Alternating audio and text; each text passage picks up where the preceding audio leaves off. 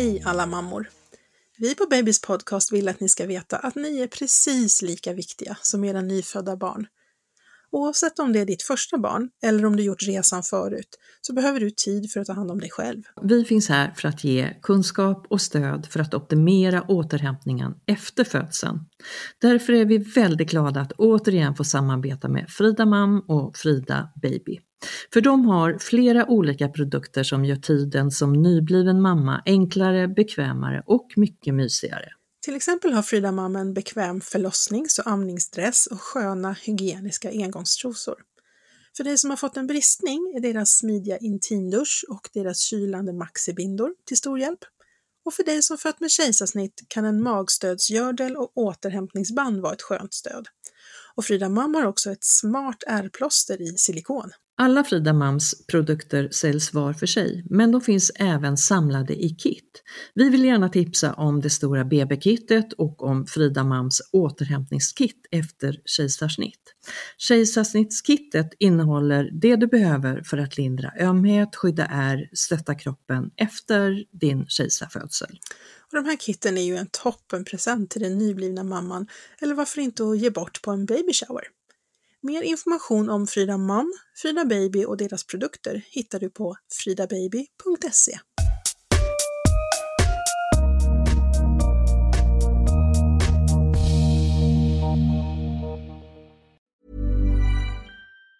Välkomna till ännu en vecka med Babys podcast. Ni har väl inte missat vårt avsnitt som vi hade om fertilitetsförståelse och hur det kan användas som preventivmetod eller för att snabbare bli gravid. Idag ska vi prata med någon som har tagit resan från partikelfysiker till kvinnohälsa. Bara den resan är ju rätt spännande i sig, men det ska handla om hur man kan använda fertilitetsförståelse, temperaturmätning och appar ur ett livsperspektiv som preventivmetod men också för att bli gravid och ja, genom alla faser i livet helt enkelt. I studion hör ni som vanligt Rebecka, gynekolog, och Karina barnmorska. Häng med in i avsnittet!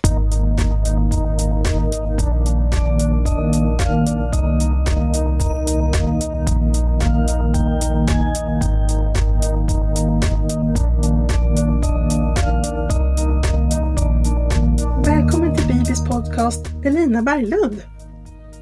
Hej, tack så mycket! Jätteroligt att du vill vara med och prata med oss. Ja, roligt att vara här jag, jag nämnde det i början, så här, hur går man från en partikelfysiker till, till kvinnohälsa? Det är en, det är en väldigt, man kan ju tycka att det ligger en bit ifrån varandra men det har kanske lite gemensamma beröringspunkter, eller? Ja, jag får ganska ofta den frågan. För mig är väl den gemensamma beröringspunkterna eh, min passion för data och forskning. Så i partikelfysiken så är det väldigt, väldigt mycket data. Um, och um, när jag var med om um, upptäckten av Higgspartikeln 2012, vilket ledde till Nobelpris, då kände jag att okej, okay, jag kanske jag kan inte toppa det här, så jag kanske borde testa att göra någonting annat. Och då höll jag på att leta efter ett um, effektivt naturligt preventivmedel själv efter att um, jag hade haft p-stav i ungefär tio år. Och jag visste att vi ville skaffa barn om något år. Så jag tänkte okej, okay, nu när jag måste ta ut min p-stav, vad kan jag göra eh, tills jag är redo att bli gravid utan att liksom, eh, gå på p-piller och så. Så liksom min kropp får chans att sätta igång med ägglossning och så innan det är dags att bli gravid. Och då tänkte jag, åh, men temperaturen ändras när man har ägglossning. Eh, då kan jag ju skriva en algoritm som kan ta reda på när jag har ägglossning och när jag är fertil och när jag definitivt inte är fertil så jag kan använda den först för att undvika graviditet och sen för att planera graviditet. Mm. Och vi, vi, pratade ju i ett tidigare avsnitt om det här med att det finns olika sätt att kartlägga sin ägglossning. Temperatur är ju en metod men eh, det här med att undersöka sitt livmoderhalssekret är en annan. Och så, vad var det som gjorde det just det här med, med temperatur och data? Vad var det som, som du liksom föll för om man säger så? Ja, jag hade ehm, lite tidigare i livet när jag var um, ja, kanske kring 18 år eller så, så hade jag haft um, dåliga biverkningar av just p-piller och slutat med dem. Och då försökte jag liksom, då gick jag på den tiden till biblioteket och läste på så här om fertilitetsförståelse och om hur man då kan analysera sitt sekret. Och jag försökte det, men jag tyckte att det var väldigt svårt och inte så tydligt. Så då när jag på något sätt um, hade samma problem att lösa tio år senare i livet och då också med mycket mer erfarenhet och jag kunde läsa forskningsartiklar. Då eh, kände jag att temperaturen tillsammans med en bra algoritm är mycket mer objektivt sätt att mäta. Så det inte faller på att jag med ögat kan analysera mitt sekret rätt. Eh, utan snarare, okej, okay, men det här kan liksom vara mer matematiskt, mer statistiskt. Så då kände jag att jag kan lita på det. För att det gick inte så bra när jag var 18 och försökte förstå mig på mitt, mitt eget eh, sekret. Jag tänker att det kan vara svårt i nästan i vilken ålder man är. Det kräver ju enormt mycket träning och tid att lära känna eh, just sekret eller vilken position livmoderhalsen har. Att mäta sin temperatur är lite mera, vad ska man säga, ettor och nollor. Det är lite ja, precis. strukturerat. Även om det finns, det finns ju en del fallgropar med det också. Men det finns ju annat som också kan höja temperaturen. Som naturligtvis om vi får en infektion eller om vi har sovit dåligt eller är stressade. Och det, tänker jag, det är väl där som den här algoritmen kommer in i bilden. Ja, definitivt. För att eh, traditionellt så har kvinnor analyserat sin temperatur för hand med väldigt enkla regler.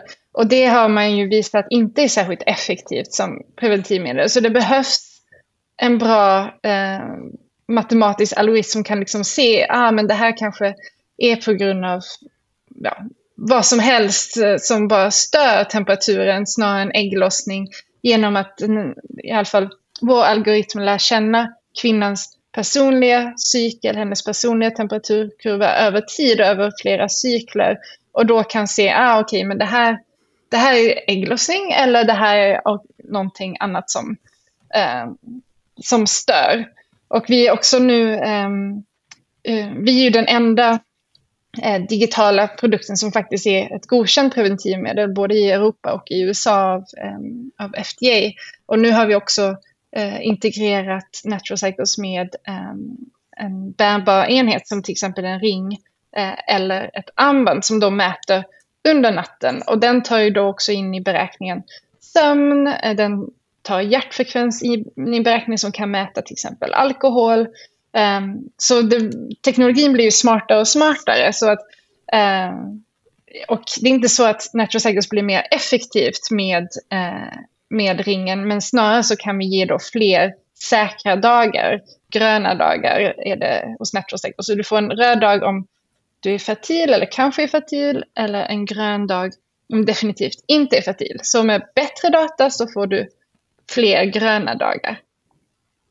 Ja, precis, för det tror jag vi ska säga också för att förtydliga att när man, när man liksom startar med metoden så kommer det ju vara en hel del röda dagar tills dess att tills metoden liksom har kartlägg, kartlagt just liksom den personliga cykeln. Och skulle det vara så att man precis har startat och då får en, en långvarig feber på grund av infektion, då kommer man ju få röda dagar av appen.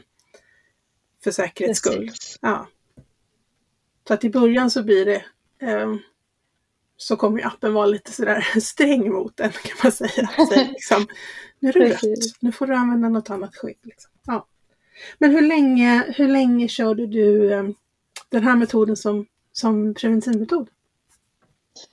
Ja, nu... du liksom bytte för att eh, du sa att det var för att du ville använda något hormonfritt under tiden som du, ja, i väntan på att det var liksom, rätt tid för att försöka bli gravid. Så hur lång tid blev det som preventivmetod då, första varvet? Eh, ja, nu, nu har det ju gått ganska många år, men då första varvet innan eh, vår dotter blev till så, eh, så var det ungefär ett och ett halvt år som vi använde den som preventivmedel tills vi kände att nu är det dags. Och då, då var vi såklart lite oroliga för att um, om vi då skulle bli gravida, att många skulle tänka, men den här appen kan ju inte fungera för, för grundarna har blivit gravida. Så vi, vi, skrev på Twitter exakt när vi skulle um, börja försöka, vilket var då på vår bröllopsdag, alltså ett år efter att vi hade gift oss. Um, och vi hade otrolig tur att bli gravid exakt då på första försöket med vår dotter. Så hon, uh, hon kom då uh, nio månader senare. Mm, det var ju, jag tänker så här, om man går ut på Twitter och skriver så här. ja, det är lite märkligt. Det är inte någonting jag rekommenderar. Nej, jag, jag tänkte det. Det måste liksom vara rätt unikt. Och jag, jag förstår ju varför ni gjorde det. Just för att, eh, som du säger, eh, man, man, kan liksom inte bara råka gå och bli gravid när man, när man är ansiktet utåt för en preventiv metod. Eh, men annars tänker jag att det kanske inte är så vanligt att man just eh, Nej, säger... vi försökte så här, typ, eh, snabbt skriva någonting annat på Twitter så att det liksom skulle hamna längre ner i flödet så att inte så många skulle, skulle märka det. Men vi fick ändå några frågor från lite vänner, bekanta och anställda och sa jaha, okej. Okay. Men du, vilken spännande resa Elina. Alltså från din då bakgrund och de här egna erfarenheterna så är det science liksom, så går in i algoritmernas värld eh, ja, till fullo och eh, jobbar då sen med, med natural cycles och ja, du har ju en hel del egna erfarenheter här och det blir ju liksom en kombo då över tid från det här preventivmedel till då algoritmer att eh, titta på när du kan bli gravid och så blir du gravid på första försöket. Ja, och det är ju eh, väldigt mycket, många faktorer som går in till det. Dels så såklart hade jag väldigt koll på min kropp och ägglossning och så, men också så har det också med tur att göra att jag och min man råkar vara eh, väldigt fertila. Och, Ehm, sen eh, fem år senare när eh, det var dags att eh, försöka igen så, så blev jag också gravid på första försöket, men då fick jag missfall och sen blev jag gravid väldigt snabbt igen, men fick igen missfall. Och sen blev jag gravid ganska snabbt igen och tredje gången så gick det vägen. Så att då, vi verkar ju bli gravida väldigt lätt, men det är inte alltid det blir en bebis ändå. Och det är kanske, ja, eh, vi, det är också kanske en, en konsekvens av att ha väldigt bra koll på sin cykel och ägglossning, att man märker de här tidiga missfallen eh, mer än att om man kanske inte har stenkoll eh, så, så märker man ju såklart om man har ett missfall lite längre in men inte om man har sådana tidiga missfall. Jag tror jag var i vecka, vecka åtta den ena gången och vecka nio den andra. Någonting sånt. Men du hjälper ju många kvinnor med exakt det här, den här allmänna kunskapen om kvinnokroppen som vi önskar, den där kontrollen som vi kanske inte tidigare har haft möjlighet till eller har tagit oss. Nu har vi ju mera hjälpmedel att kunna ta kontrollen och det tycker jag är fantastiskt. Ja, det är definitivt det vi hör mest från våra användare och jag absolut känner samma sak själv. Det är att Eh, liksom inte ett mysterium längre, ens egna kropp, utan man, man förstår vad som sker och man får liksom den här kontrollen, precis som du säger, och veta vad som händer inuti och varför man kanske ibland mår lite annorlunda en viss del av cykeln. Eh, och när mensen ska komma och ibland, ja, också så kanske ägglossningen händer mycket senare och då ser man det snarare än att man tror kanske oj, kommer ingen mens den här gången. Men då vet man okej, okay, men min ägglossning kom mycket senare så mensen ska inte komma än. Och liksom, ja, att veta vad som försiggår inne i kroppen är väldigt viktigt. Mm. Jag har ju haft en del patienter som, som liksom kartlägger sin ägglossning och sin mens på det här sättet eller på liknande sätt som också beskriver att de, nej men de kanske är liksom påverkade humörmässigt veckan innan de ska ha mens och vet att men just den veckan är det inte läge att boka in superviktiga möten eller liksom göra saker som stressar en därför att man redan från början ja, känner sig lite hängig eller ledsen eller så. Eh, Medan de har beskrivit att de kring ägglossningstid är så oerhört eh, liksom, eh, kreativa och påhittiga och det är då liksom man ska boka in eh, eh, här kick-offs och spånarmöten mm. på jobbet. Liksom. Det är ett ganska kul sätt att kunna använda fertilitetsförståelse och sin cykel på andra sätt som inte bara har med reproduktionen att göra utan eh, humör och kreativitet och ork. Liksom. Ja, jag, jag, tror att det är det våra användare nästan uppskattar mest med Natural Cycle. Så ofta när de börjar använda det så gör de det för att de letar efter ett, naturligt preventivmedel eller de vill eh, bli gravida. Men sen så får de det här som, som lite som en biverkning av något slag och så upptäcker de att det är faktiskt det är väldigt häftigt att förstå sin kropp och, och sitt humör. Och, eh, och till exempel vi har ju, eh, man kan få en, en notis, en reminder just eh, när man brukar ha PMS. Och vi får många fina meddelanden från våra användare säger Åh, här satt jag och grät i soffan och förstod inte riktigt varför. Och sen fick jag det här meddelandet och nu föll allting på plats och nu mår jag mycket bättre. Och det, det är det som också motiverar oss i teamet att se att vi, att vi faktiskt kan hjälpa på det sättet.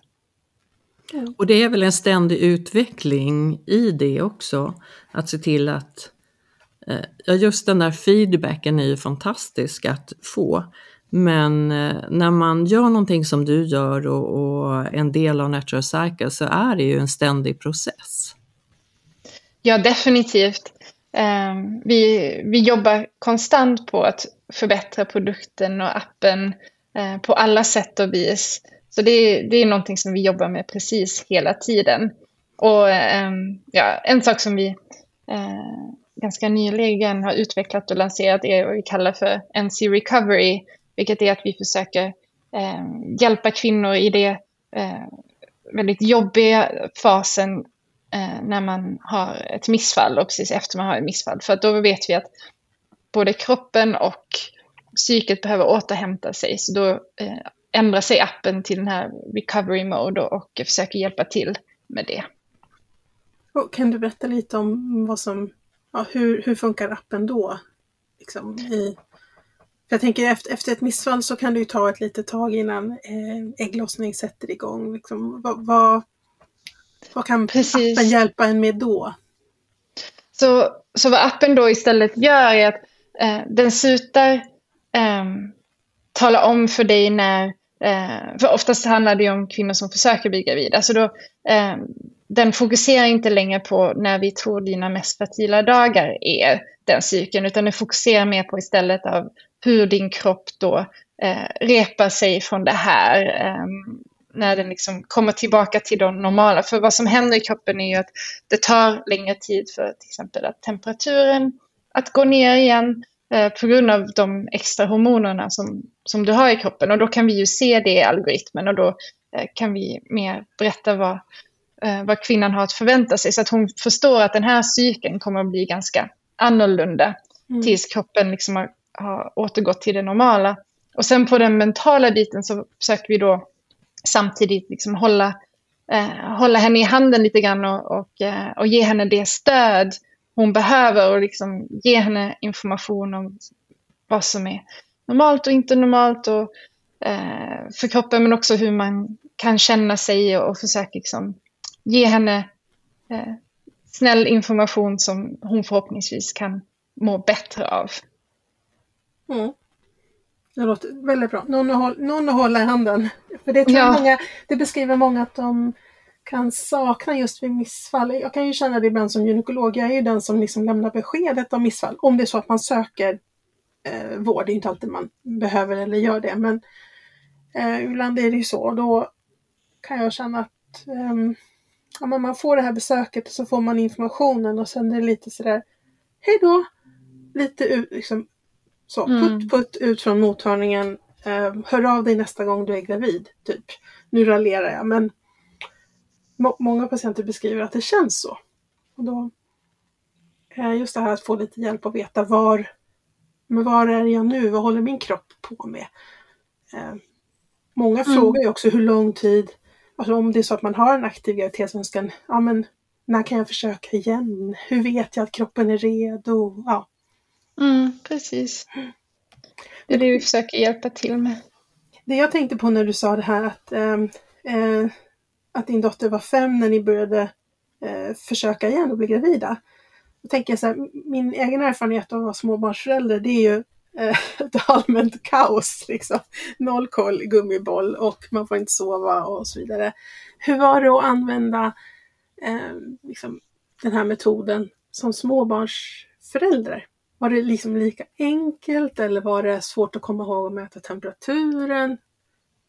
Så. Ja, det är, det är ju svårare den här tiden precis när man, eh, när man fått en nyfödd bebis. Också generellt, liksom allting som händer i kroppen.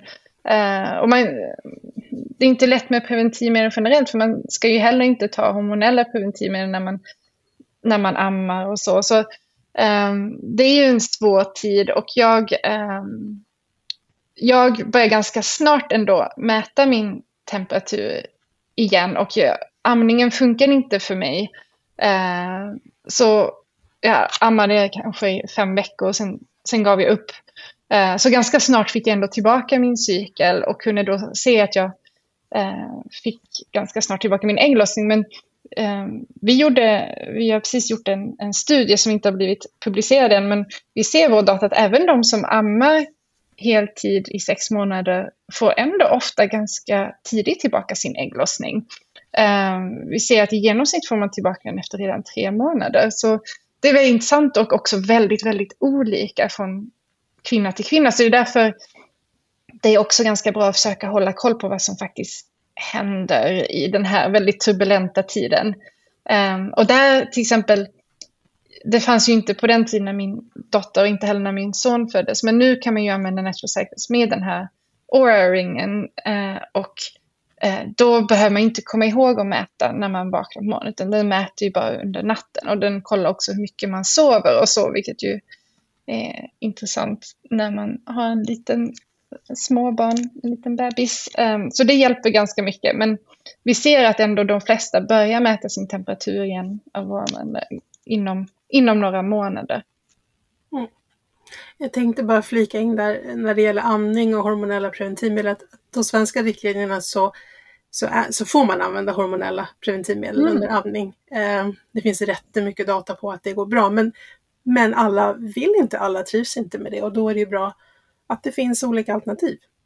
Att olika saker passar olika. Men liksom, trivs man med hormonella preventivmedel så får man använda det under amning. Absolut. Jag, jag tänkte på det här, ni har ju då eh, så många användare och så mycket data. Du nämnde ju det att, man liksom, att ni kan, kan till exempel se att eh, efter födsel så är det många som börjar ägglossa redan efter tre månader. Jag, jag tänkte på det här med eh, all den här datan ni har, ni har ju faktiskt, vi har ju alltid liksom lite sådär eh, fyrkantigt sagt att en normal menscykel är 28 dagar och man ägglossar på dag 14. Men, men eh, er data för, på alla era användningar visar att det inte riktigt är så, eller hur? Ja, där har vi publicerat en, en studie eh, i Nature med över 600 000 cykler som visar att det, det är nästan alltid inte så. Det, jag tror det var 13 procent av cykler som faktiskt är den här klassiska eh, 28 dagars cykeln eh, med ägglossning på dag 14. Så eh, cykeln kan ju se ut på alla möjliga sätt och eh, även om man har en 28 dagars cykel så är det inte alls säkert att man har ägglossning dag 14 för lutealfasen, den eh, tiden mellan ägglossning och mensen, den kan ju också variera. Eh, så det, det är ju väldigt normalt att ha en cykel som är kortare eller längre eller mer eller mindre ehm, regelbunden eller oregelbunden. Och det betyder inte att någonting är fel bara för att man inte har en 28 dagars cykel som man kanske lärt sig i skolan. Nej, precis.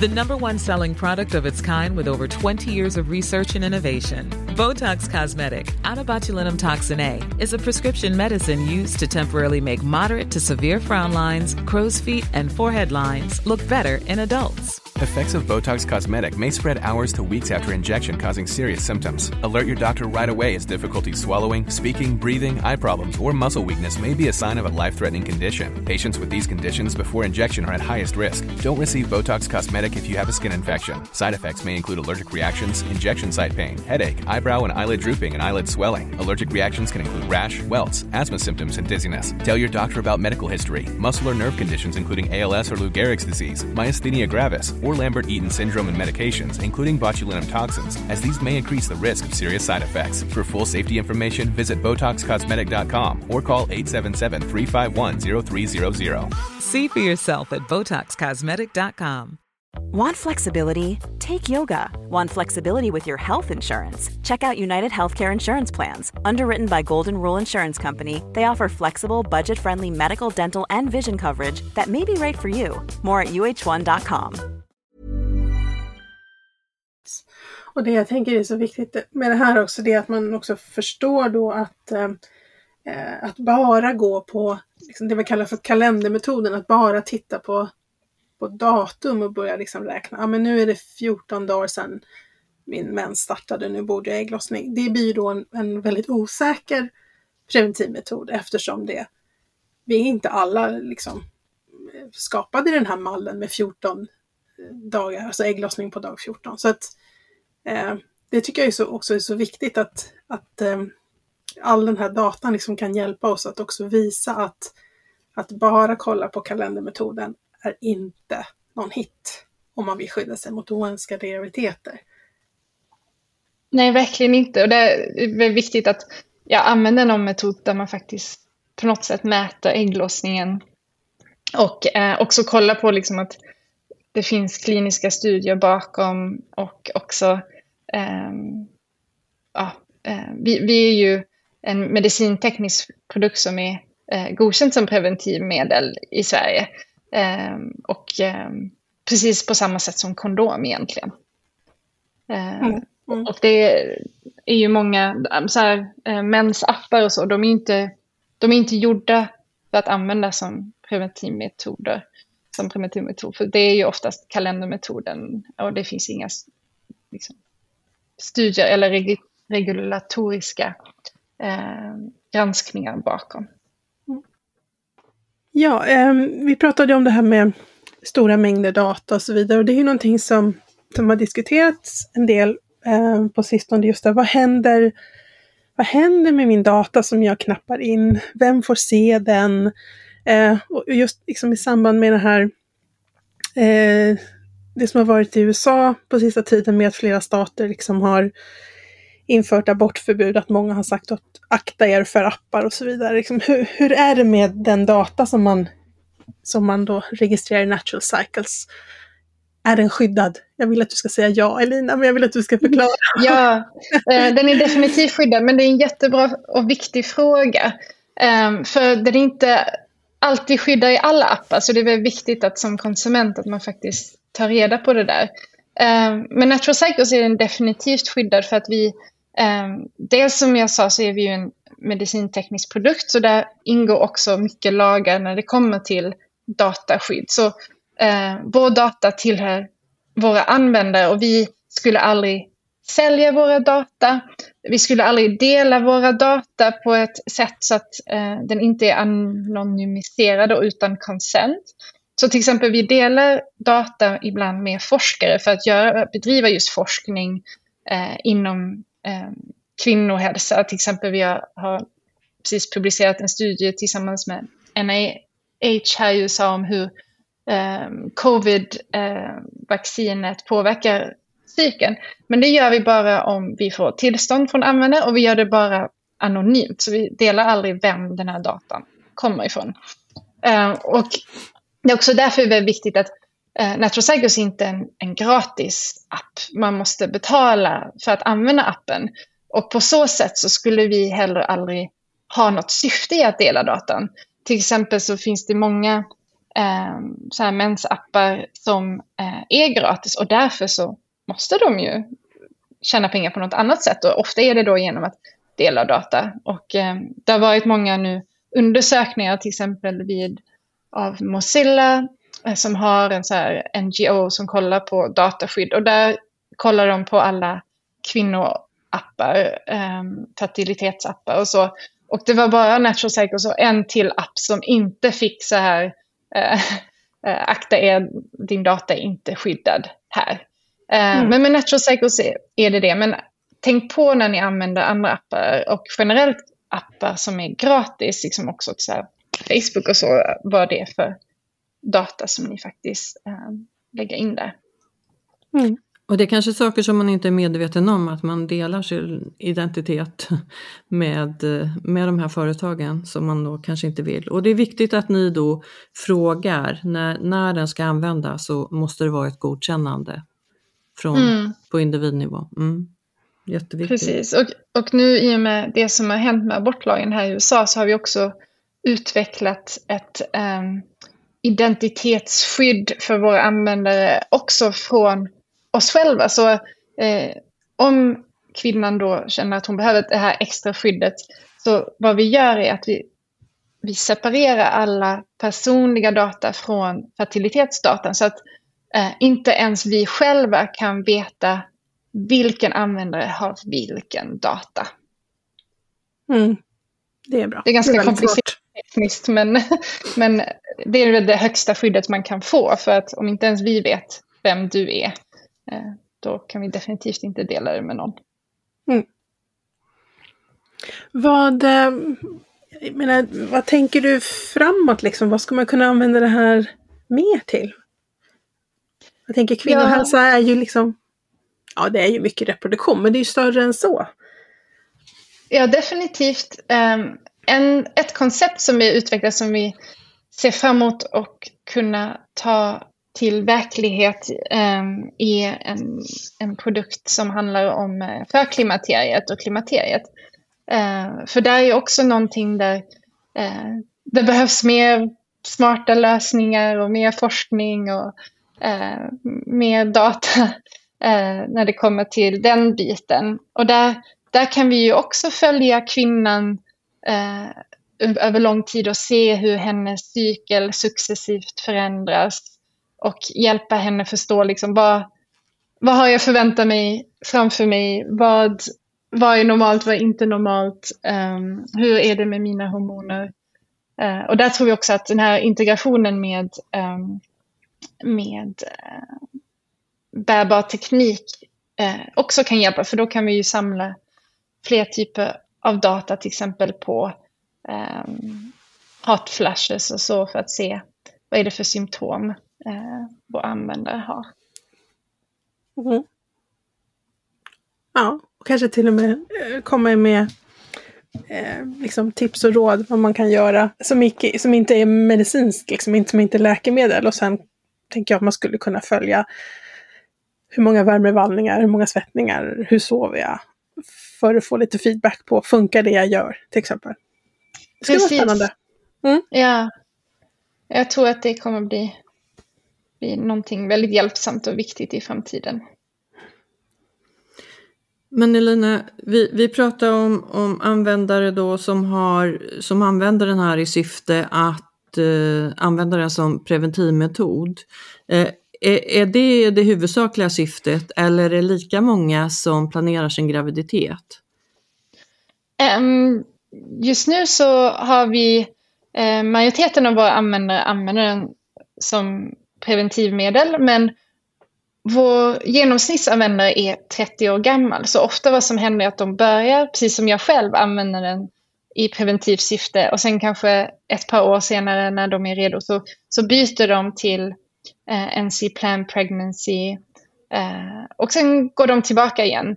Eh, det med, med förklimakteriet, är ju vi har inte jättemånga användare som är över 45 idag, men det skulle ju vara en ny grupp av användare också. Nu, när vi, nu har vi ju funnits i ungefär 10 år, så de som började använda Natural för 10 år sedan, de börjar ju närma sig för klimakteriet, så vi hoppas kunna hjälpa dem också i nästa, nästa fas i livet. Mm, Det är ju fantastiskt, man kan följa, följa hela livscykeln, hela livsperspektivet egentligen. Ja, det är det vi hoppas på.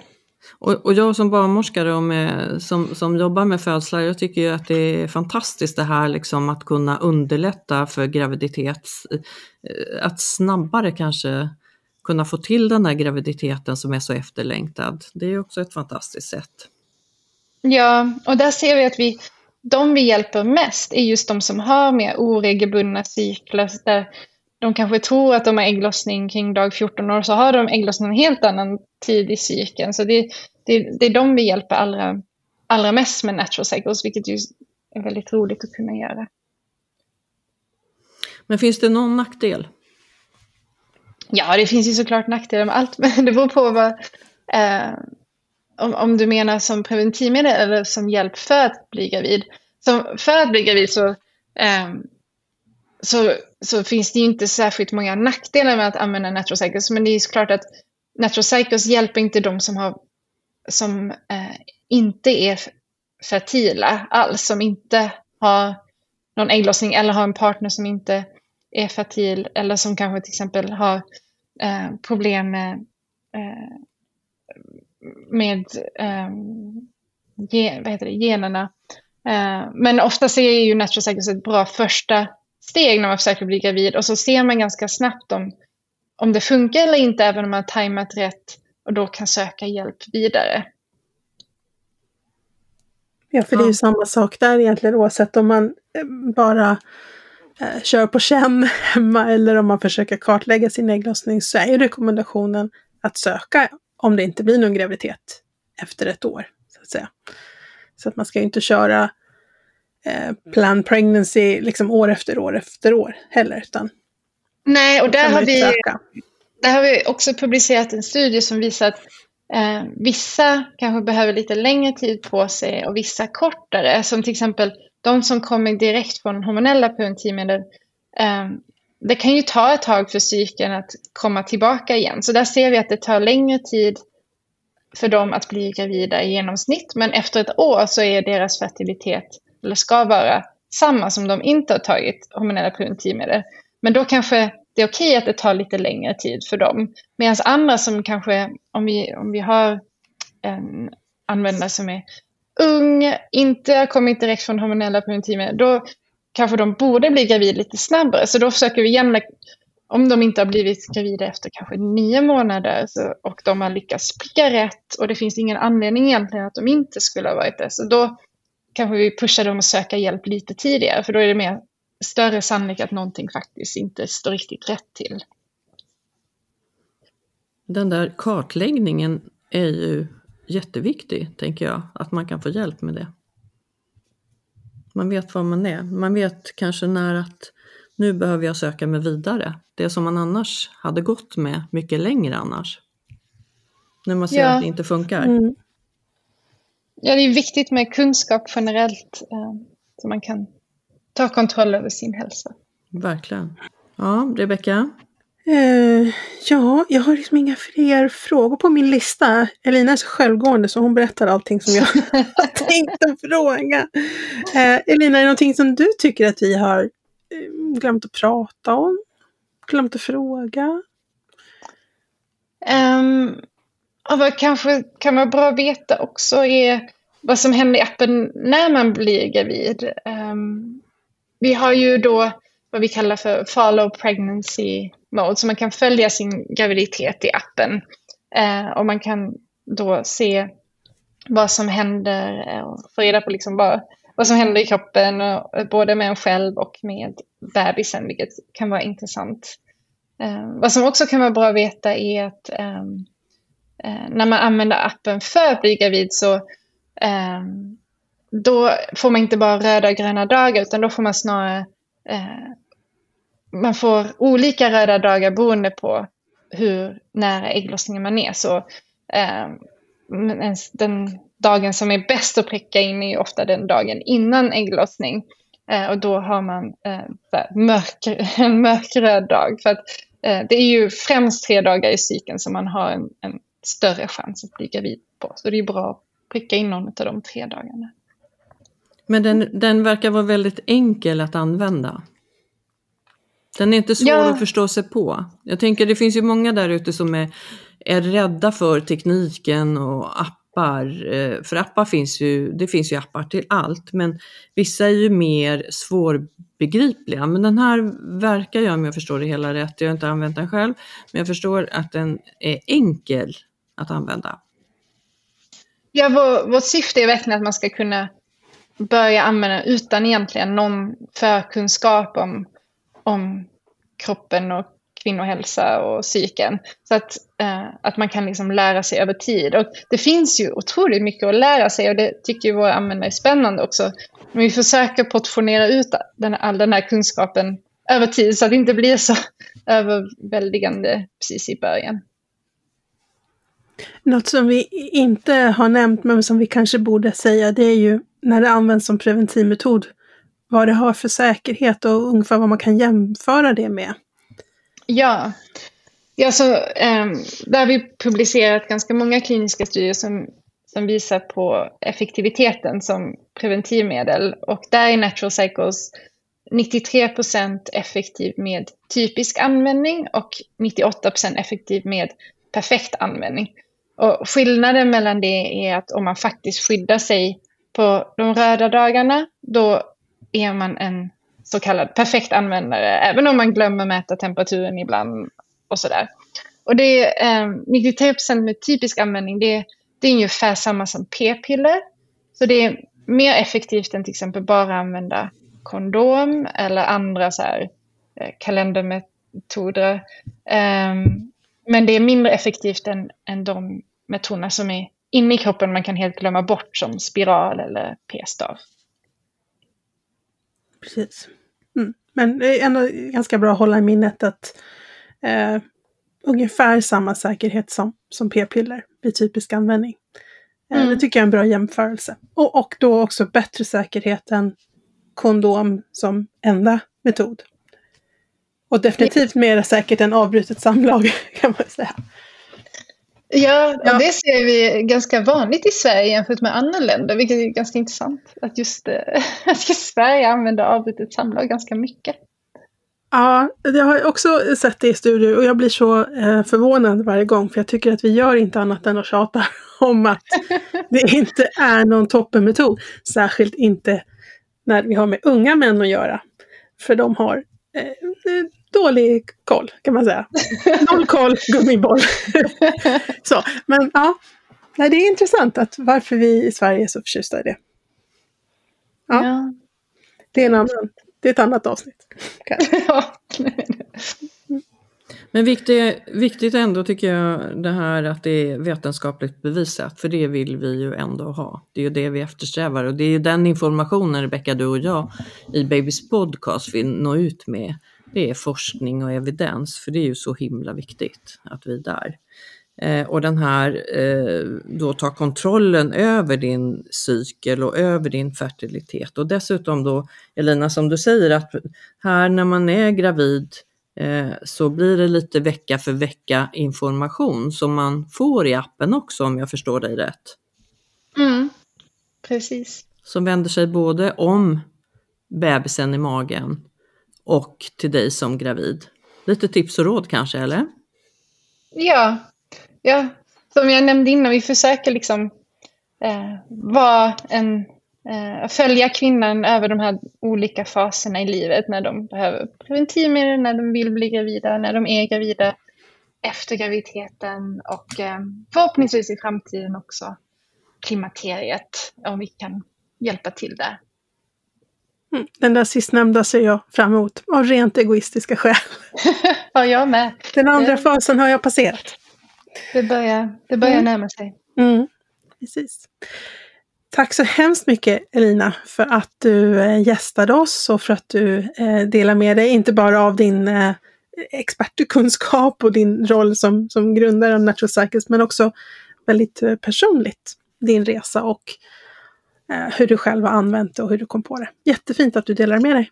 Mycket bra info. Verkligen. Ja, tack för att jag fick vara med. Ja, men stort tack Elina, Jätte, jättehärligt att få höra. Och vilken suverän app tycker jag. Den sträcker sig verkligen från början av livet till nu snart klimakteriet också. Härligt, ja. Rebecka. Vetens ja, vetenskapsnörden är, är nöjd med eh, alla data och studier och publikationer. Ja, jag är nöjd. Det finns... Ja. Eh, eh, jag, ty jag, tycker det är otroligt eh, viktigt. Det ja, vet jag sedan tidigare. Det, att jag, vi vet att du tycker ja. det är viktigt, Rebecka, för vi vet att du är, eh, du är den nörd du är och grottar ner dig i det här och det är vi, det är vi tacksamma för.